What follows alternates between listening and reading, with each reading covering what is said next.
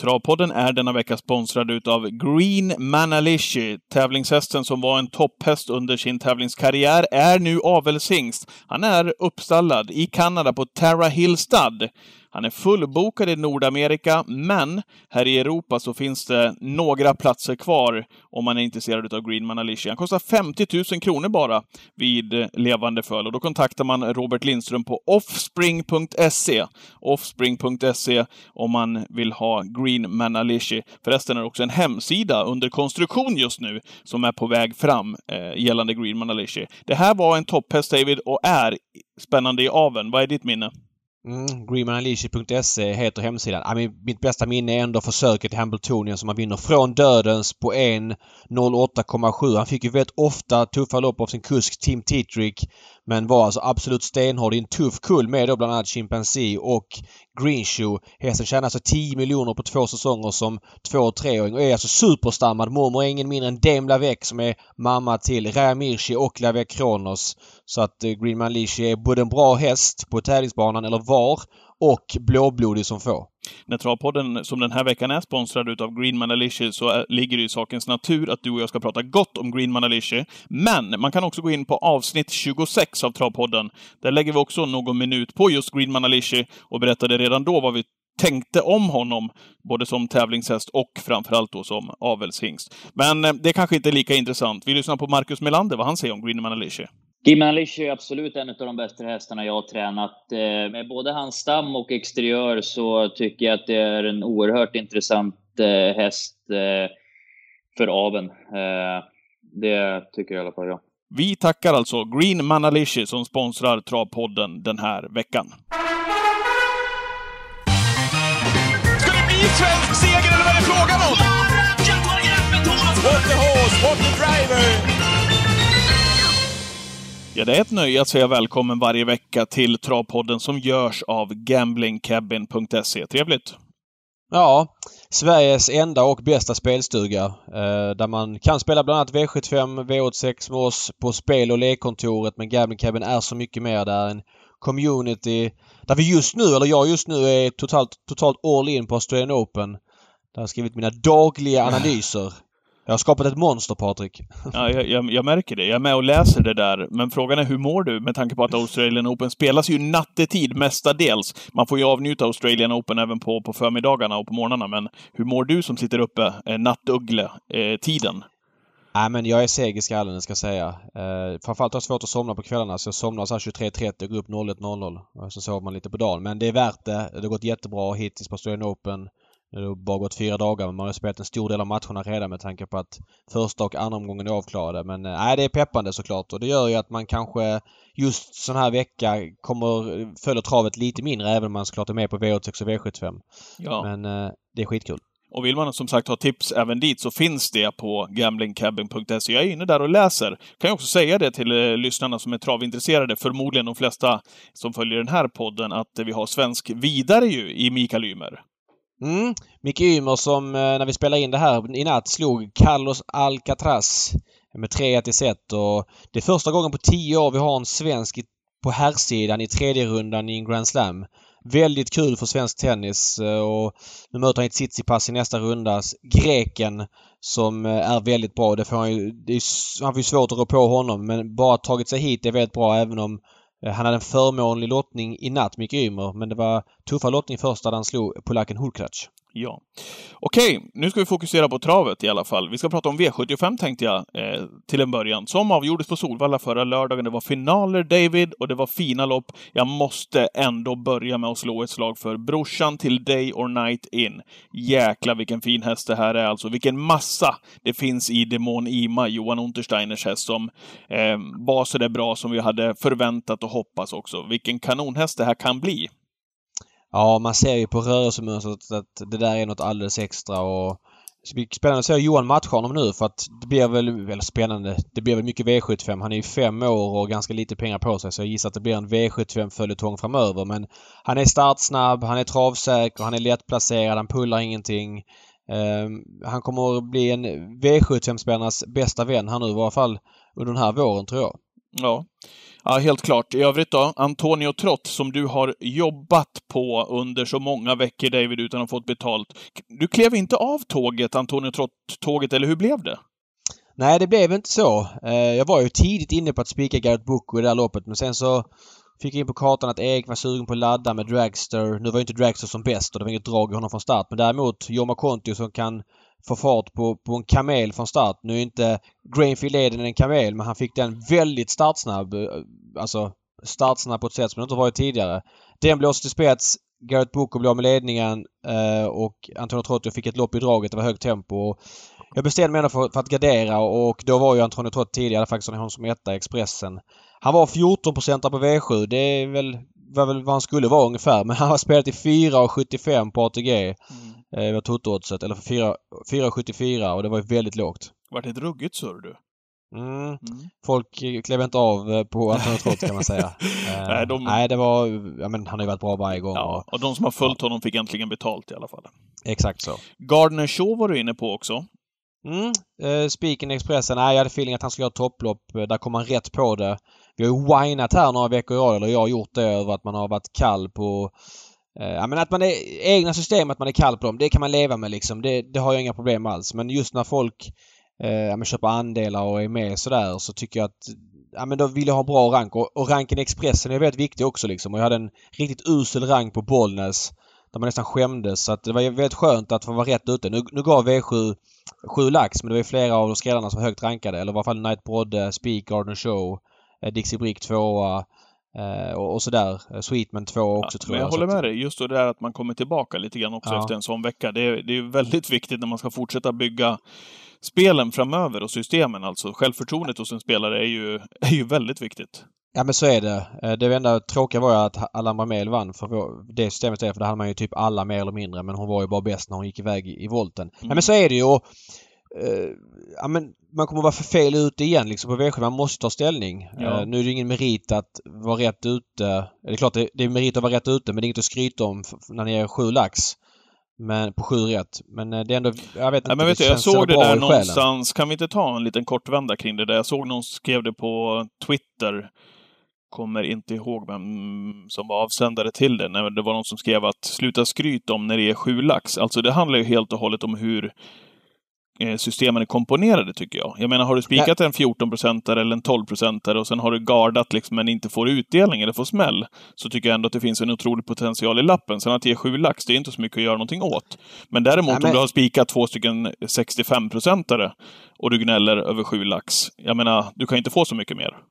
Nej men så här, det, det som avsändaren gnäller på tror jag, det är ju att folk eh, håller på och reklamar och skryter om att de sätter den. Mm. Eh, det tycker jag är rätt larvigt att hålla på och, och liksom Ja, men det är olika. eh, Ja men skriva om en sån här omgång liksom. Det, Nej.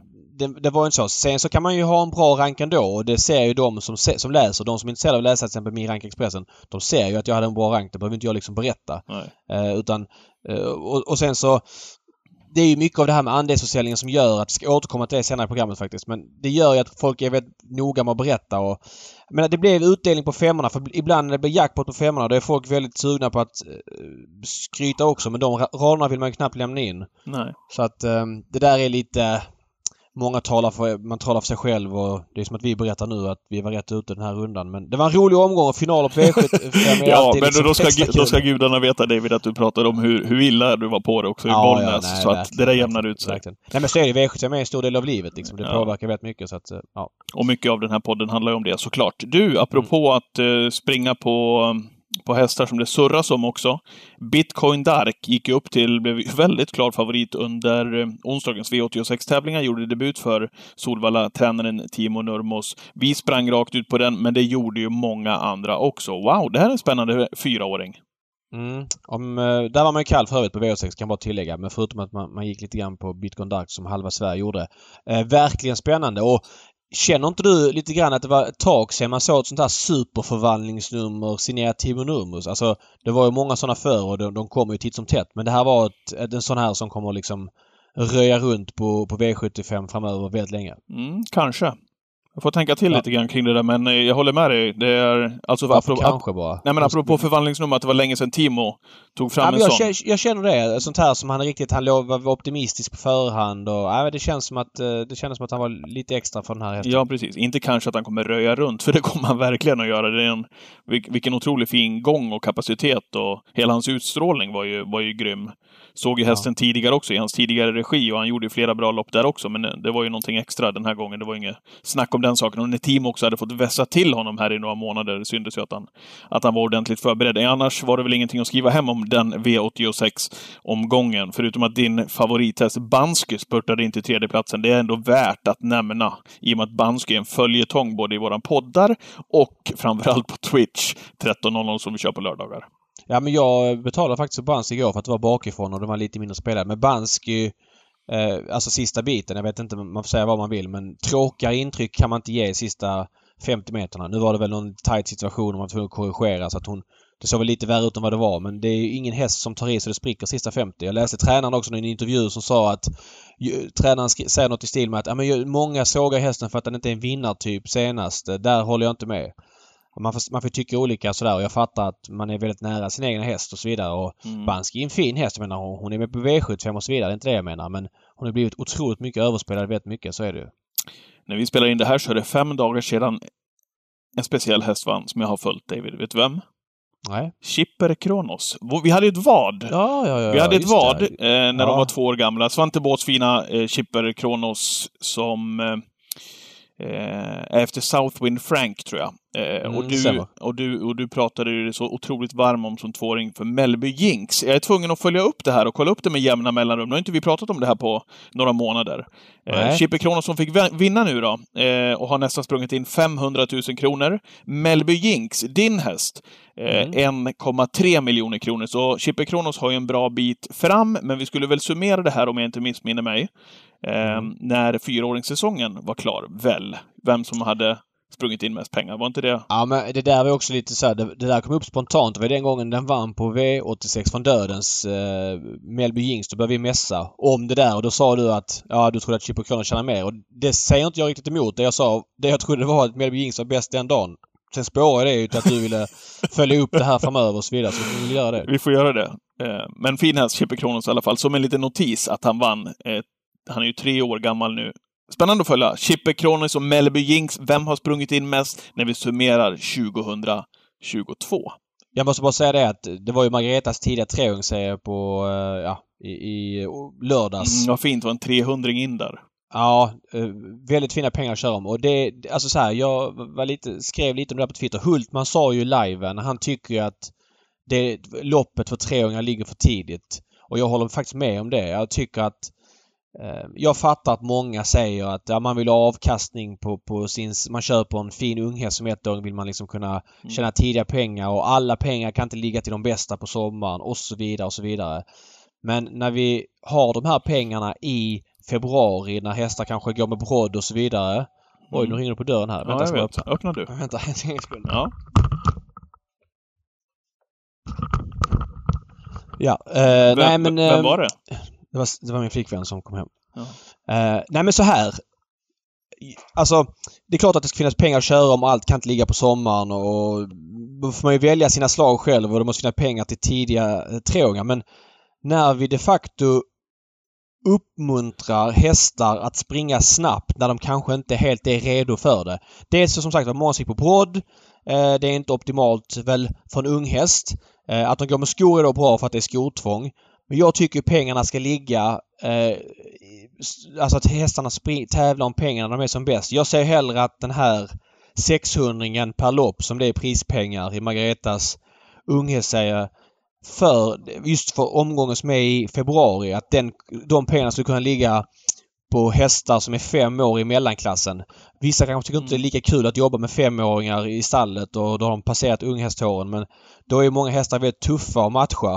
Eh, ja, för att det kan V75 kanske är för tufft och så vidare. Och då, då, något sånt tycker jag för då är hästarna redo att springa fortare liksom. Jag, jag tycker att det här blir uppmuntrat till korta karriärer och västningar på hästar som sen inte gör sig gällande de större loppen. Jag vet inte. Då säger vissa att ja men en travtränare, de plockar inte ut de bästa nu för att de bästa eh, ja, de spår man kriteriet och de större loppen. Men det var som Hultman sa. Alltså det är ju, nu är ju Hultman Hultman liksom, har man respekt för honom. Han har, han har suttit bakom en, en annan häst. Men han sa att det är en travtränare som kan säga... Det är klart man känner tidigt vilka som har ett extra och inte. Men Ja. du kan, det är väldigt svårt att säga vilken utveckling en häst kommer ha framöver. Även om en tvååring känns trist eller en treåring känns trist så kan du inte säga någonting om hästens utveckling framöver. Du kan ju säga att visst, kanske inte så troligt om den har en enklare stam att den inte utvecklas. Men hans take var då att det är många hästar som utvecklas väldigt oväntat när de blir lite äldre. Och det förhindrar man genom att kanske köra dem lite för tufft lite för tidigt och det håller jag med om. Nu du? ska vi gå in på... Nej, jag är lite enig det du, det du säger faktiskt. Överhuvudtaget. Eh, Spännande diskussion som vi egentligen skulle kunna ägna, ägna mycket tid åt, känner Ja, jag. vi, vi, nu... vi, snackade lite med Malmrot om det och, och han Ja. hade ju sin förklaring för det. Och så här, det är inte så att jag missunnar de här hästarna de pengarna liksom. Det är inte det det Nej. handlar om utan det är mer hur vi får en längre hållbarhet på hästarna och längre karriärer. Det var det jag tyckte. Ja. Björn Goop kanske kan få svara på det, eller vad tror du? Så småningom. Om, med, Ja. med allt det här med, med barfotakörning och hela faderullan som det är ju debatt om också. när Ja, det gäller de yngre absolut. hästarna. Ja, vi kör då. Här kommer Björn Goop. Och då ropar vi upp eh, veckans gäst. Han finns på plats i Frankrike och i Paris. Hallå där, Björn Goop. Hej, hej! Hur eh, är läget med dig? Mycket bra tycker jag faktiskt. Det är jättebra. Det, det är lugnt. Lugnt och skönt idag. Ja, Berätta. men ändå har det, det, varit race, det har väl varit race ändå på Vincennes? Ja, det har varit race på Vincennes, men det är klart tidigt så att nu blir det bara lugnt i soffan och titta på hästarna som startar på Solvalla. Mm. Är det det du gör? Är det så en, en kväll där nere ser ut? Nu är det ju just Solvalla ikväll men det är du kör på dagen och sen åker du hem och så eh, följer du travet eller sitter och småjobbar eller hur funkar det?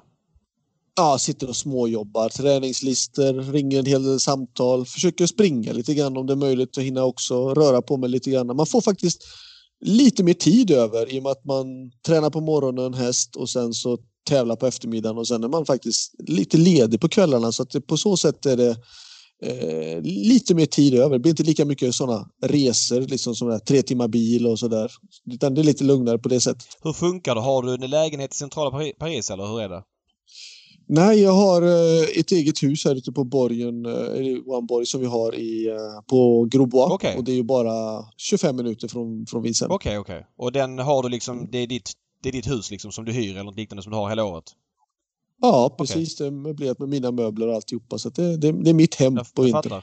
Hur, hur mycket hinner du vara, vara turist i, i Paris då? Det är, du bor ju där nu, men hur mycket hinner du se i övrigt? Förutom att det är travet som jag kan tänka mig tar mycket tid.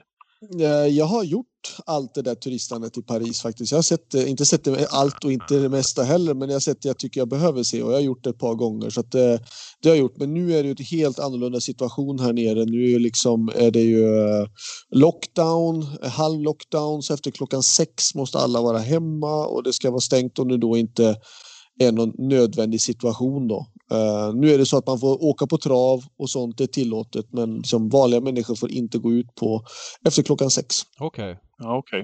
Ja, det, det kräver ju, det är en prövning. Hur funkar det för dig?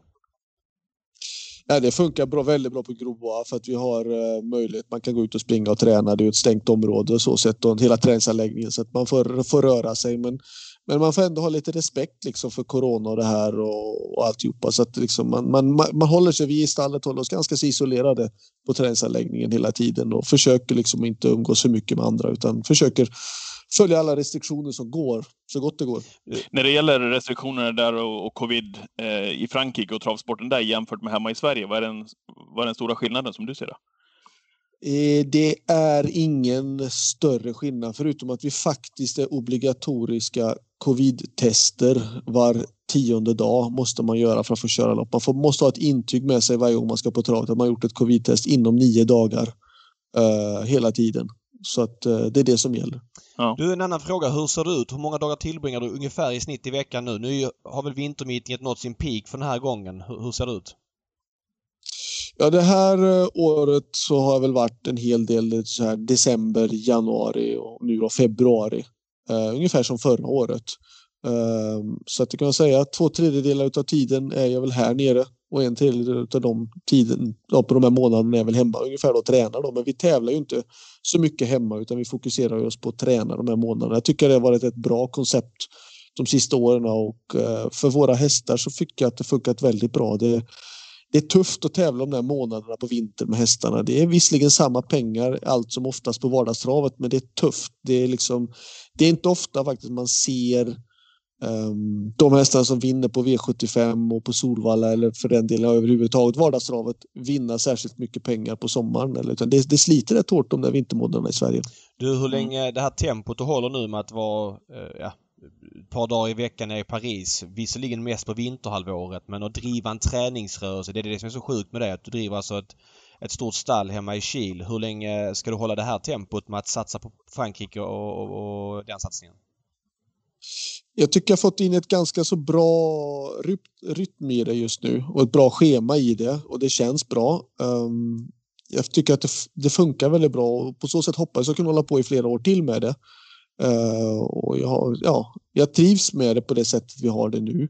Att liksom vintermeetinget och liksom träna de här månaderna här nere och även hemma på vintern och träna liksom och sen tävlar vi för Krent. Och jag, jag, jag hoppas att det ska hålla på i flera år till. Men hur många flygresor ner till Paris har du på ett år? Om du bara, alltså vi tar som en tur-retur-resa en resa. Hur många resor gör du till Paris på ett år? Ja, 50 kanske. Oj. Typ. Ja. Ja. ja det är ganska mycket. Men eh, nu har ju inte du varit den kusken heller, Björn, i och för sig, i, i, i modern tid som har varit den som har flackat omkring i Sverige. Men om du jämför det livet som du hade där när du kom, slog igenom som, som, eh, som kusk och när du började tillhöra eh, toppen och, och, eliten här i Sverige med det liv du lever nu, vad säger du då? Det, det är faktiskt ett bättre liv nu. Jag tycker att hela mitt liv överhuvudtaget blev bättre sen jag avsade mig liksom att det här börjat kämpa för för liksom championtiteln som mest, eller vad heter allsvensk kurschampion i Sverige. Ja. Sen jag valde att stå på sidan på den biten så tycker jag mitt, mitt, mitt liv har blivit ett mycket bättre liv. Alltså visst, det är tufft det här med att flyga fram och tillbaka och sen är det många timmar att köra till Arlanda, men jag slipper allt som oftast de här ja, men de här vardagsresorna som är eh, som, som svenska kuskarna gör liksom hela vintern. Kvällstrav, Axvalla, Bollnäs, Bergsåk, allt vad det nu än heter. Liksom. Jag slipper ju många av de resorna och kan fokusera mig på att träna både mig själv och hästarna här här nere liksom mycket mer på vintern. Och det, det är klart att jag sparar otroligt mycket bilåkande. Mm. Mm. Du, om vi ska spåra tillbaks klockan en och en halv vecka eller två kanske. Eh, Prix d'Amérique eh, vinner du för tredje gången. Det är ju såklart jättestort. Du är den första som har vunnit två gånger. Du är den första såklart som har vunnit tre gånger. Eh, kan du bara ta oss igenom, vad hade du för plan inför loppet? Det var ju din häst Facetime Aubon och Davison DuPont som det snackades om och det blev verkligen en duell. Det är ju så att det här är ju ett... Eh, franska travloppen är ju ett väldigt stort schackspelande. Och det är klart, det går ju alltid att ha en taktik på om du ska gå ut offensivt i spelet eller om du ska gå ut defensivt. Uh, jag hade väl en ganska lite mer defensiv taktik från början i loppet. Uh, och sen så blir det ju då motståndarna gör ju sina drag och då får man ju lägga om och det är väl det kanske jag tycker lite grann som är tjusningen med loppen i Frankrike att det är ju liksom ett, ett ständigt liksom ja, manövrera, alltså olika spel och taktik hela tiden och positionsförändringar och det gör att man måste liksom verkligen tänka både en och två, tre gånger på hur man ska göra. Och I Prix i år så fick jag ju helt enkelt, jag höll ju på att hamna i, i säcken. Nu kanske jag hade löst ändå men var ju tvungen att ändra taktik helt enkelt. Liksom. För det gick ju inte att sitta som passiv i andra spår för då hade jag ju inte, ja, då hade jag fått antagligen för långt fram. Men jag, jag älskar ju det du säger där med, med schackspelandet också. Är det, är det tack vare de banorna, eller framförallt vid sen, att hur den är utformad eller är det, är det, är det många andra komponenter också? Det är ju mest på Vincennes, för att den är ju mer krävande. Det är ju så att det är ju den där backen som, som, som, som, som gör det. Mm. Jag tror inte att det bara är storleken på banan utan det är ju backen som gör det liksom och den långa, långa bortre långsidan och eh, spara energi på hästen, ligga rätt till, inte ligga för långt bak, inte liksom köra för hårt, eh, inte köra för sakta. Det finns så mycket som spelar roll.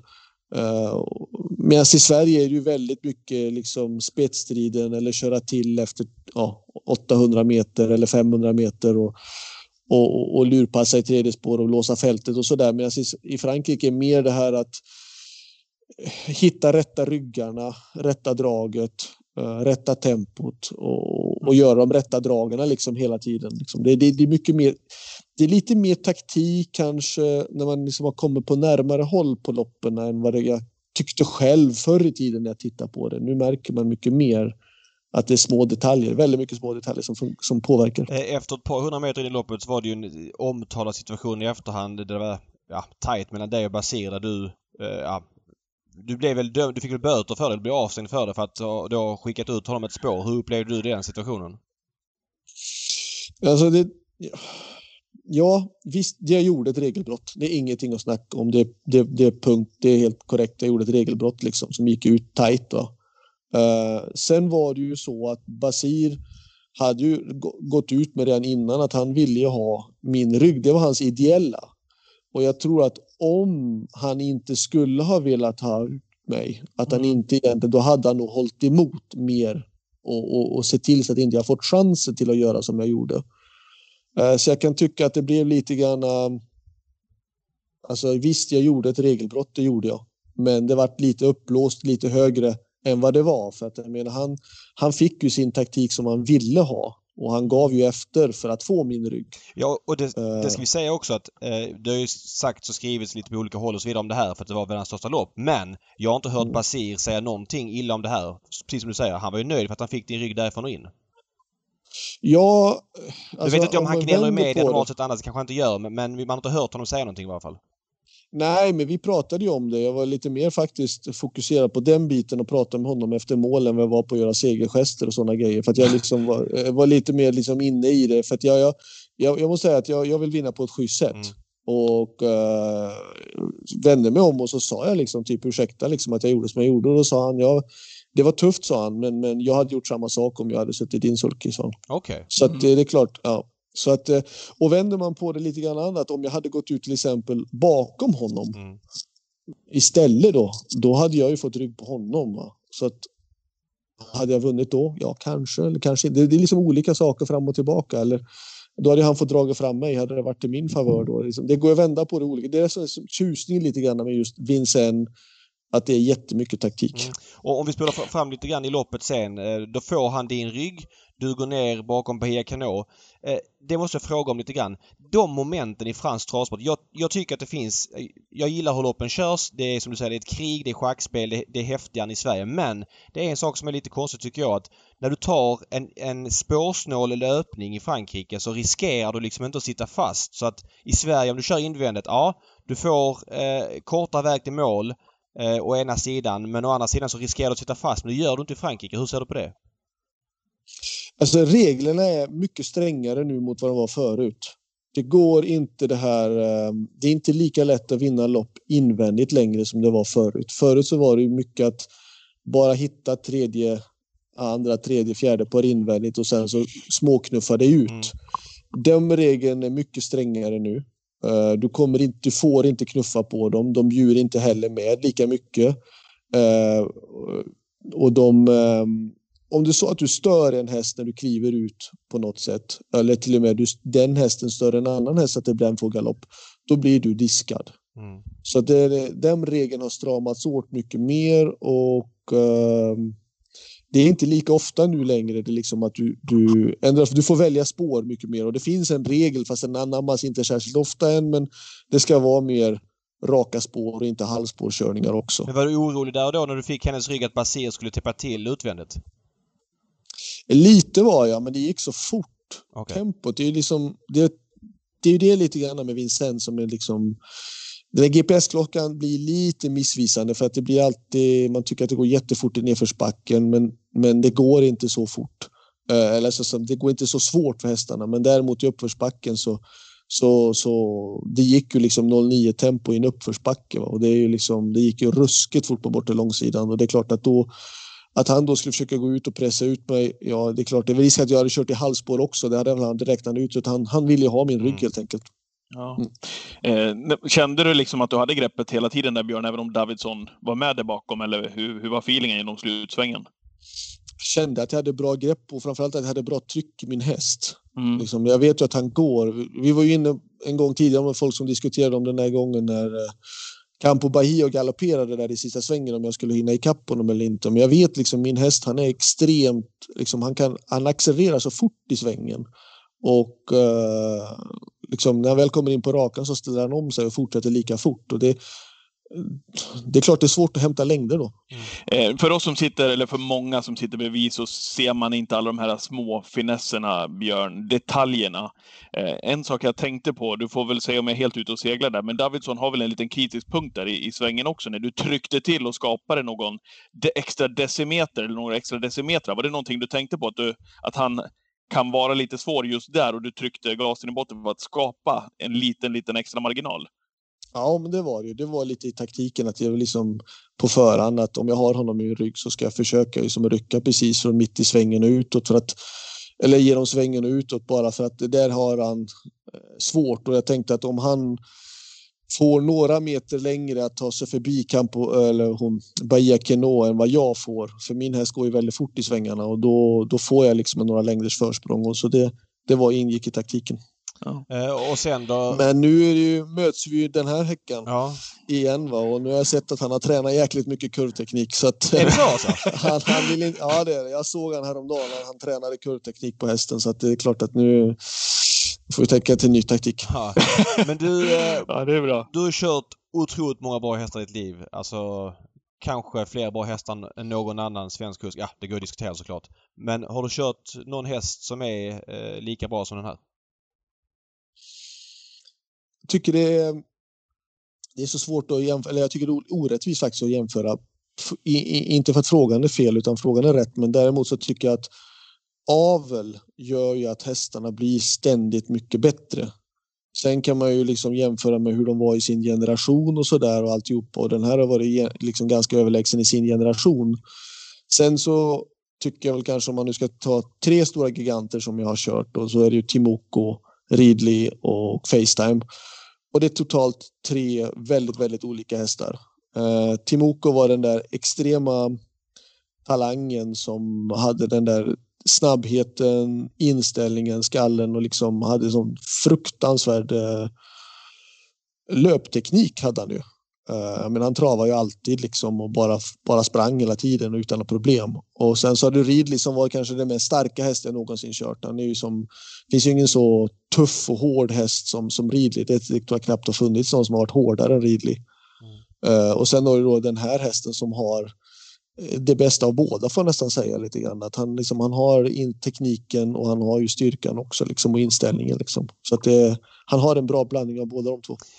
Eh, nu tog vi, nu tog vi loppet hela vägen där från, från den situationen med ehm, eh, Basir eh, hela vägen in i mål. Men jag pratade om i, i förra veckans podd, eh, Björn, eh, jag sa det faktiskt i förra veckans podd, att jag är så sjukt imponerad av det du gör innan loppet. Det pratas ju alldeles för lite om det du gör innan loppet.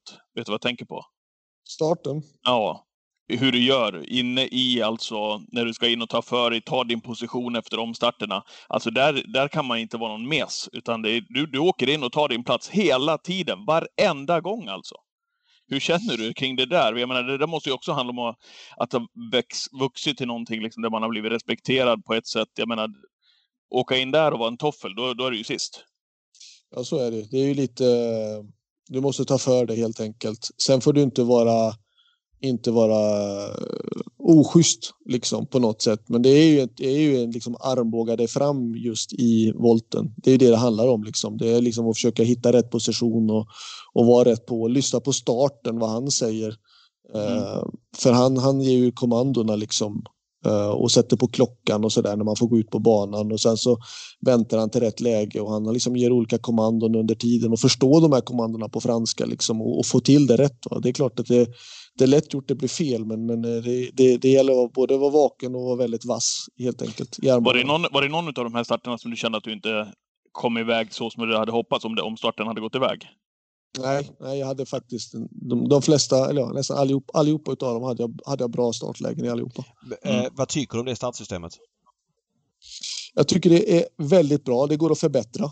Mm. Men jag tycker att det är väldigt bra system. Var det bra med um, det som är bra med det är att du har du en häst som... Um, det som är bra med det är att helt enkelt att om du har en häst som har ett visst behov så, så, så, så blir det bättre liksom.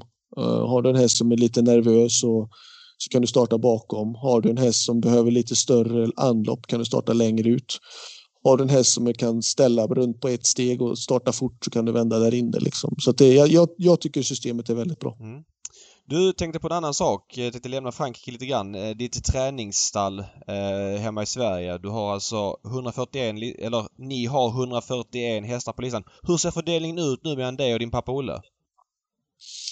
Pappa är med på gården och uh, övervakar gården kan man säga. Mm. Uh, han är inte så mycket med att träna men han är alltid med och så fikar och, och, och kör någon häst ibland sådär. Uh, men annars så håller han liksom ställningarna hemma på gården så att allting är som det ska. Ja.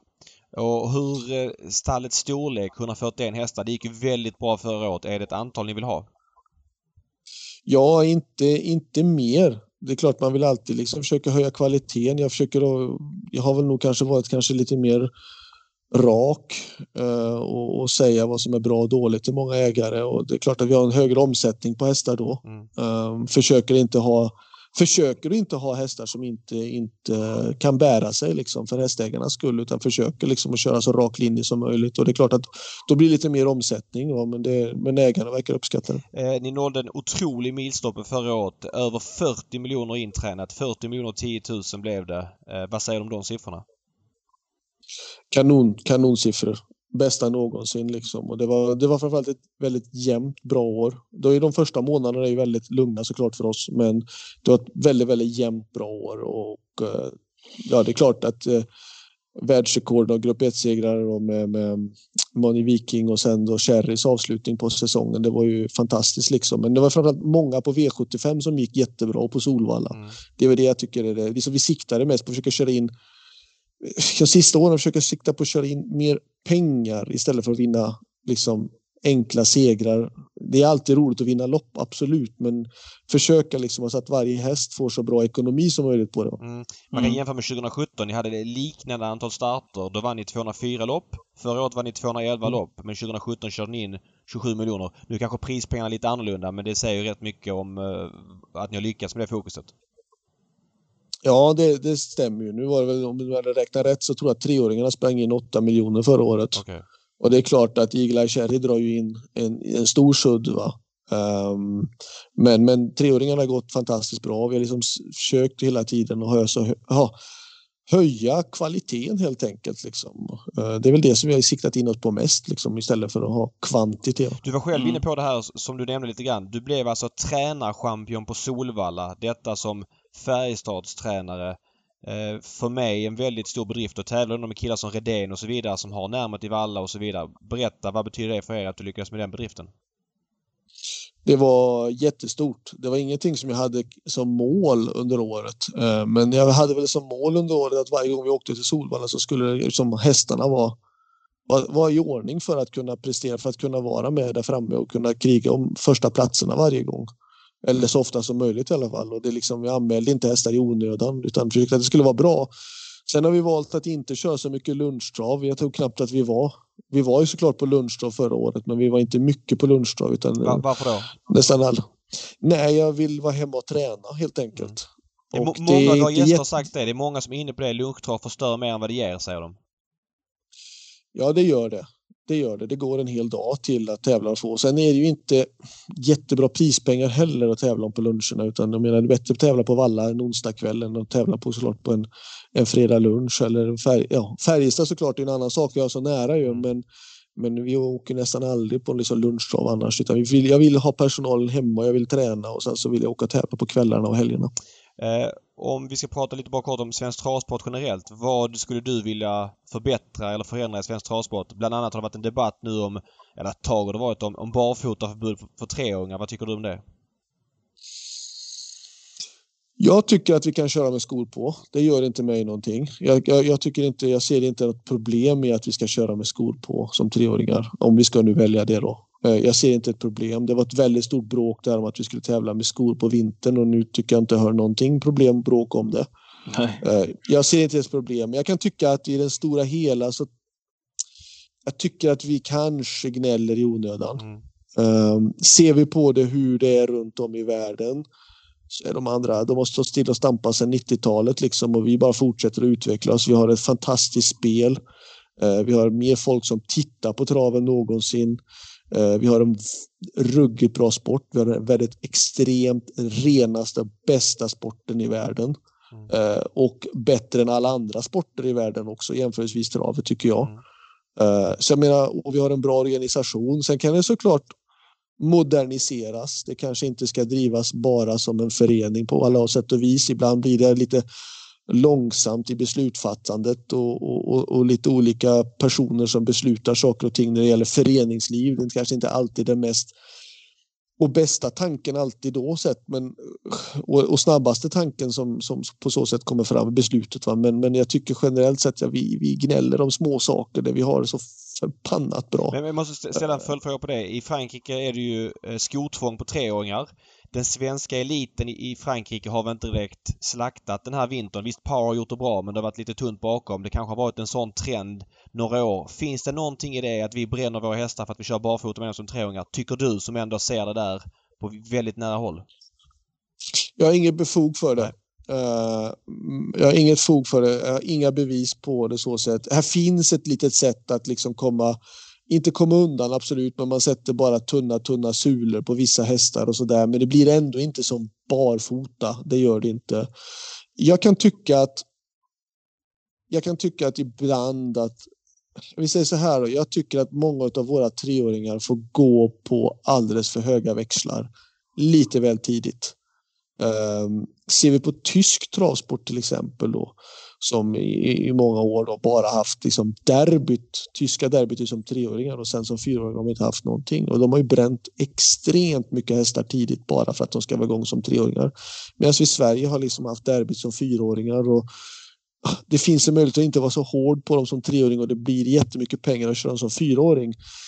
Men jag kan tycka att det är lite sådär om vi ser till treåringar till exempel högst 150 000 och så kommer det ut liksom med barfota och bike på liksom och, och optimerat mm. liksom råmaxat och hästarna springer för livet mm. Eh, med bike på mm.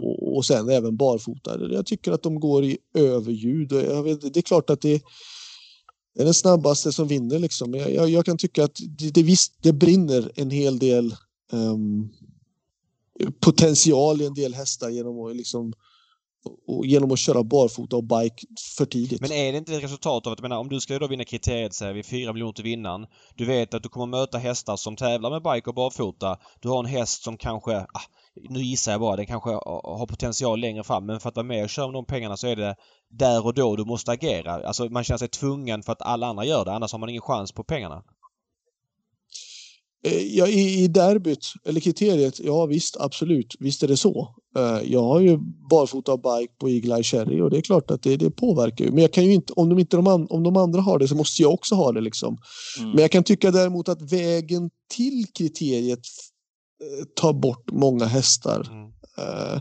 Det är många av de mindre tränarna som, som, som lever lite med kniven på strupen. De är kanske en häst som ägs utav fyra, fem killar liksom och, och eller ja, personer mm. ska man säga istället som, som, som och, och, och kommer ut och är bara femma, sexa liksom och de kör med skor och en vanlig vagn och liksom ja men duger inte vår häst va? så kommer det någon annan då som rycker skorna och bike på och grejer och det är liksom rycktussar och hela paketet liksom i låg klass liksom mm. max 150 eller 100 eller till och med, till och med ännu lägre ibland liksom och, och då blir det så jäkla det blir tufft för den här killen som är lite rädd om sin häst.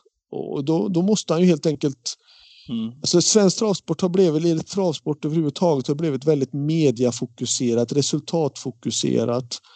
Och man bränner väldigt mycket för att synas och resultaten för att vara tillfreds. För, liksom för att få bekräftelse och vara tillfreds till ja, ägarna och kunderna. Mm.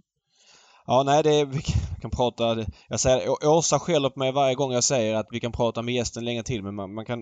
Vi vet intressanta åsikter att höra och du som ändå liksom är mycket i Frankrike och eh, ser det där. Det, alltså, det blir som en sanning i Sverige att vi bränner våra treåringar för att de går barfota men du som kör där varje vecka har ett annat, lite annan syn på det även om du kan köpa att ett barfotaförbud i Sverige för treåringar vore bra. Man, man kan tänka så här lite grann. Man tittar, nu säger vi att svenska hästarna har inte gått någonting så bra i vinter och det stämmer ju liksom. Vi har inte haft, haft någon bra vinter och de franska hästarna är in i helvetes bra. Mm. Är de faktiskt. Men tittar man då typ hur går det för italienarna här nere? Då? Det går ingenting. Nej. Hur går det för tyskarna? Inte en krona får de med. Danskarna Nej. finns inte. Finna, alltså det finns inte någon. Lunchhästar från Norge sen- går just Basir, det måste vi säga. De går ju bra. Men Norge har ingen skoinfluens och de kör med skor väldigt mycket oftare än vi. Ja. Eh, alltså jag, jag, jag har inget befog för det men jag kan tycka typ att vi bränner väldigt mycket hästar tidigt på barfota tror jag. Jag, ser, jag, jag, jag kan tycka att eh, jag kan tycka liksom att det, det gör, jag kan tycka att det är en fördel att köra med skor. Jag skulle hellre vilja spara min häst lite längre. Ja men svinbra Björn. Eh, vi tackar så mycket för det här och så hoppas vi Ja, verkligen. lycka till på söndag med Prix de France. Vad har du för taktik då om du skulle byta? Kan du avslöja det?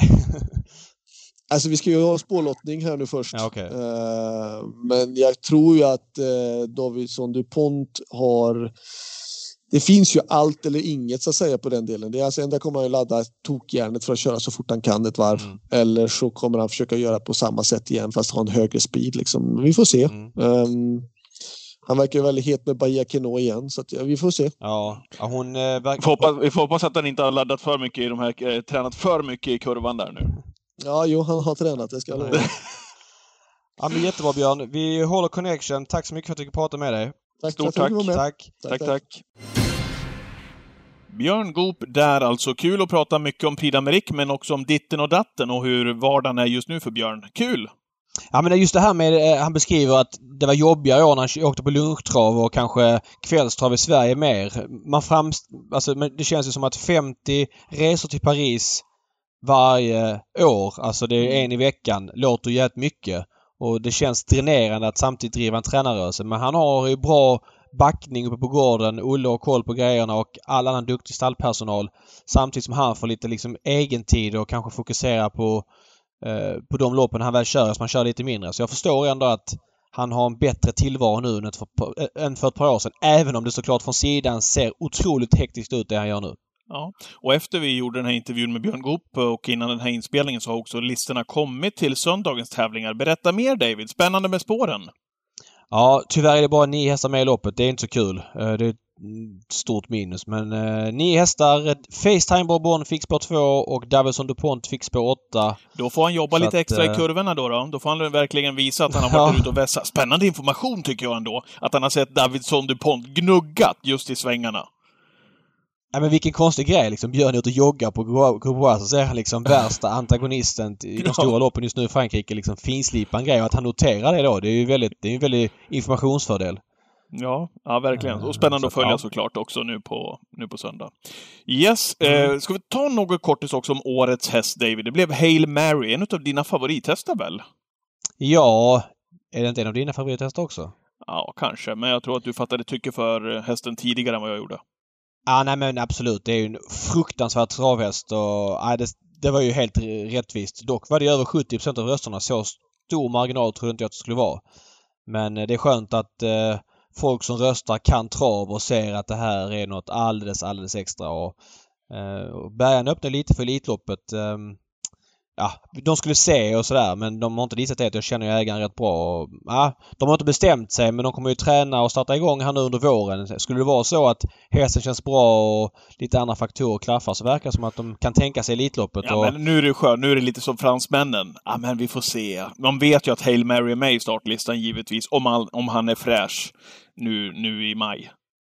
Ja, är det så? Ja, ja. Ja, men vad kul då. Ja, men det, tror, det, det, det, tror man väl verkligen, eller hoppas man väl verkligen. Att man får den där chansen om du har hästen i ordning, att han, att han startar där. Eller ska de Ja, vänta men jag hoppas också att... Jag hoppas i så fall att om det får vara någon form av publik på Solvalla, liksom att det är ett beslut som förenklas av att det är lite folk där. Alltså, jag kan känna så här, nu är det inte jag som äger hästen och, och, och vet inte hur man tänker och vet inte hur han är i sitt fysiska skick. Men att äga en häst som ska som har chansen att starta Elitloppet nästa år förmodligen om allt går som det ska. Mm, Det mm. kan ju hända grejer. Mm. Att, att jag, jag hade tyckt det var tråkigare att, att ta ut honom på Solvalla om det inte är någon publik alls som det var 2020. Ja. Men det är ju olika och folk resonerar olika och det är fina prispengar fortsatt. Så det ska vi... Och det beror på hur motståndet ser ut och ditten och datten. Det finns många om och men, men jag bara sa det. Mm. Som en bisats. ja, det är bra. Bisatser fyller också sin, sin funktion i den här podden. Du, ska vi prata lite V75? Men du förresten, när du ändå är inne på touchar, när vi touchar årets häst. Jag vill puffa. Jag passar på att ta tillfället i akt här, David. Eh, och puffa för lördagskvällen efter, efter V75. Vad ska du göra då? Eh, vet inte. Nej, då ska jag berätta för dig. 19.00 kör vi igång Dalatravgalan. Där vi, där vi livestreamar med gäster på, på Skype och så vidare. Så vi kör ungefär två timmar. 19.00. Gå in på dalatravet.se och läs mer, så har man hela, hela lördagen fylld med trav i, i kalendern. Det kan du gå in och kika. För är det du som är host där eller? Jag och Patrik Fernlund ska guida eh, alla som är intresserade av eh, travsport i Dalarna. Nej, mäktig, mäktigt programledarpar. Mäktigt. Ja, ja. 19.00, gå in och läs mer på dalatravet.se. Du, V75 på lördag. Nu har du väl verkligen fått det du vill ha, David? Ja, det är olösligt skulle jag säga. Fantastiskt rolig omgång och det här är en av årets bästa omgångar. V75 Champions med 15 hästar i loppen. Inte Ja. de vanliga klasserna vilket gör det svårare att sätta in motståndet mot varandra. Uh, ja, det är en grym omgång helt enkelt. Ja, vad har du för take på den? Det kommer ju bli bra utdelning, det är väl ingen snack om den saken. Mm, jag har några spaningar i alla fall. Mhm. Eh, jag, som det känns nu, kommer jag nog gå på den här Lilo Love i V754. Väldigt imponerad av den hästen. finns ju ingen av dem på start som är intresserad av spets utan jag tror att Stefan Persson kan köra sig till ledningen. Eh, det kanske han kan även om de andra inte laddas men alla släpper till honom och det känns som en stark och rejäl häst, långklivare som jag tror skulle gynnas mycket av att gå i spets och kunna hålla ett helt okej tempo. Eh, de på tillägg är ingenting som jag är speciellt imponerad av. Jag tror att hon har en bra chans att vinna. Just nu bara 30 Ja. V75s andra avdelning gillade en häst som jag fick se på Romme, startade här i början utav januari månad. Au pair de chasse, nummer ett. Mm. Otroligt fin gång i den här hästen. Vann ju senast även på Eskilstuna. Har inner nu eh, med stretchen och allt vad det innebär. Mycket fin häst David, som är värt att kolla upp lite extra i lopparkivet. Möter i och för sig Bold Höjveland, som också har varit väldigt bra. Den eh, blir ju favorit i loppet och ska ju dessutom gå med bike. Ju anmäld så nu, Bold Hö Höjveland. Men mycket fin häst för klassen. Au pair de chasse. Den ska du Eh. ha, ha med tidigt. Ja, den hopptog ett steg rätt i volten för två satsen. Uh, men, men det är nu är bil det visserligen nu. spår ett. Ja, Mm. ja, det är bil, det är bil! Oj, titta Ja. vilken koll man har. Ja, Det är 15 bakom bilen, snyggt. Ja, Okej. Ja, det är lite eh, skillnad. ta med dig den. Ta med dig Mm. den. Har du någon annan, eh, vad, vad var det du kallar det för? Spaning? Spaning. Mm. Jag har en spaning till. Bugatti Miles är klar favorit i V75. Såg ju smällfin ut i Redéns debut senast. Eh, Ja, alltså kommer kunna klättra en bra bit upp i klasserna men Alltså hästen har varit totalt iskall med voltstart under sin karriär. Den har inte tagit ett steg. Det är verkligen har vräkt sig i galopp och från alla möjliga spår i Per Nordströms regi. Jag tror faktiskt aldrig gått felfritt i volten mer än i debuten. Eh, och visst, det kan hända mycket när det är regibyten och så vidare men eh, Nej, det här känns som en favorit i fara med eh, just att det är voltstart. Visst Örjan kör, han kanske är lite andra händer än Per Nordström och spår 1 och det är inte så många på volten. Men som 54% på en häst som har vräkt sig i volten, det tycker jag känns läskigt.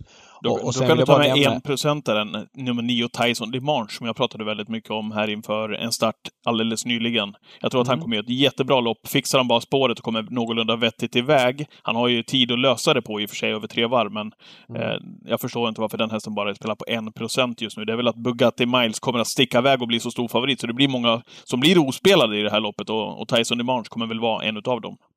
Mm. Ja men så är det, jag håller med. Den, Mm. eh, den gjorde ett bra lopp där på Jägers ju. Mm. Eh, och sen i sista avdelningen blir Broadway Sun stor favorit. Den vann alltså med 100 meter senast och eh, det är grejer man ser allt mer sällan i travet. Det såg man mycket oftare förr att de bara liksom sprang iväg och, och vann med liksom verkligen hela upploppet. Mm. Jag gillar dock inte när hästar pullar sådär i loppen. Det känns som att de väldigt snabbt kommer ur form då. Och nu är det ju den här Laradja Vreithout som du eh, var inne på skulle vara så bra senast som du inte visste om du skulle gå på. Ja, jag tog det tre. inte. Nej, och den tar ju spets. Mm. Visserligen är det 2-1. Det kanske inte är ett plus för den rent intrycksmässigt.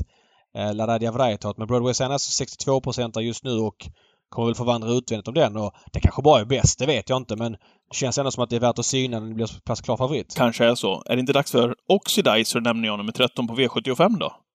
Som det surras Jo. så ofta om, eller? Jo, det kanske är det. Men de andra två tror jag är för bra. Som, Ja, det står, så. eh, som har så bra spår. Men det... Ja, nej, varför inte? Mm. Under 10 i alla fall. Ja, någon mer spaning eller ska du eh, ladda för Twitchen 13.00 lördag? Ja, det gör jag. Eh, söker man på Gambling Cabin där så hör man senaste nytt med dig och mig om V75. Nu rundar vi med eh, den här punkten.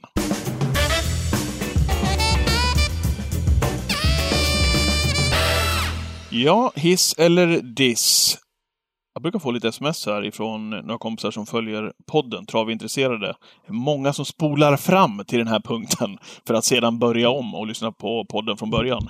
Eh, Jag vet Okej, de, inte... de, de tar de godaste tårtbitarna Eh, först och de godaste godisarna först Ja, i, godispåsen och lämnar de äckliga. Ja, precis. Så kan de liksom snabbspola liksom i, i övrigt.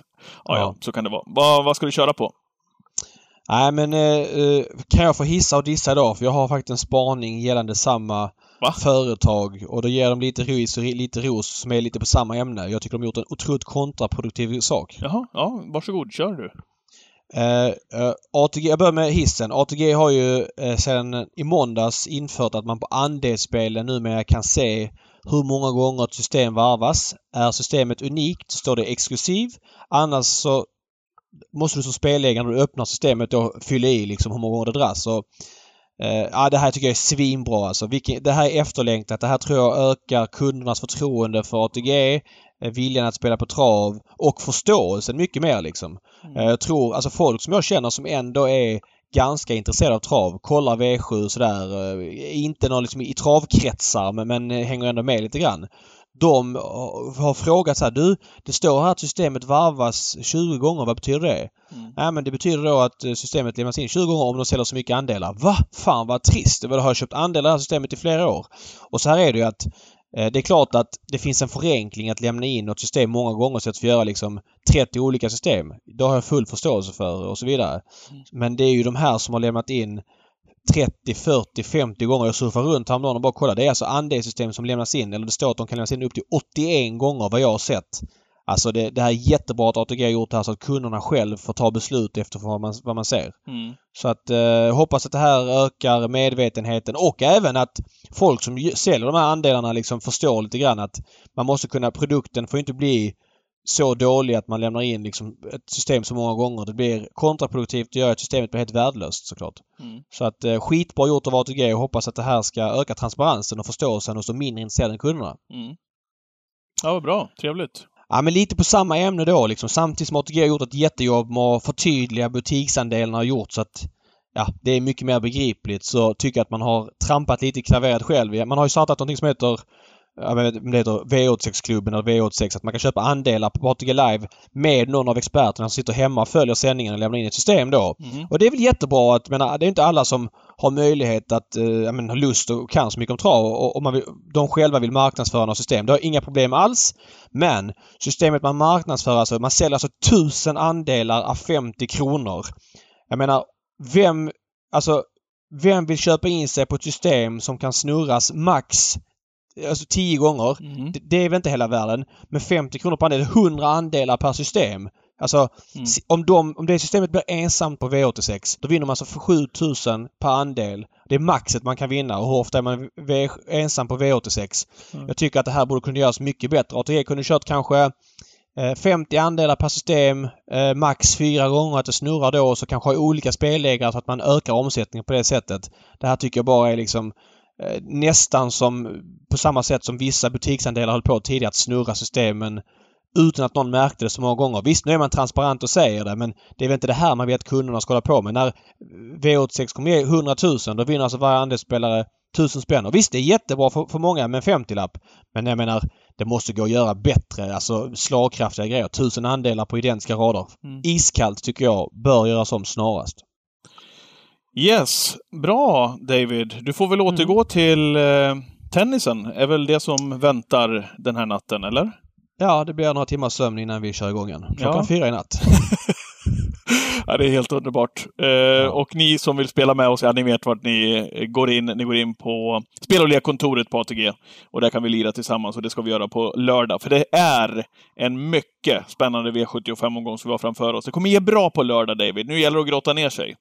Mm. Eh, ja, men så är det. Mm. Härligt! Tack för att ni har eh, lyssnat, alla ni där ute. Eh, och vi hörs igen nästa vecka igen. Travpodden är tillbaka hos er, vare sig ni vill eller inte. Hej, hej! Hej, hej!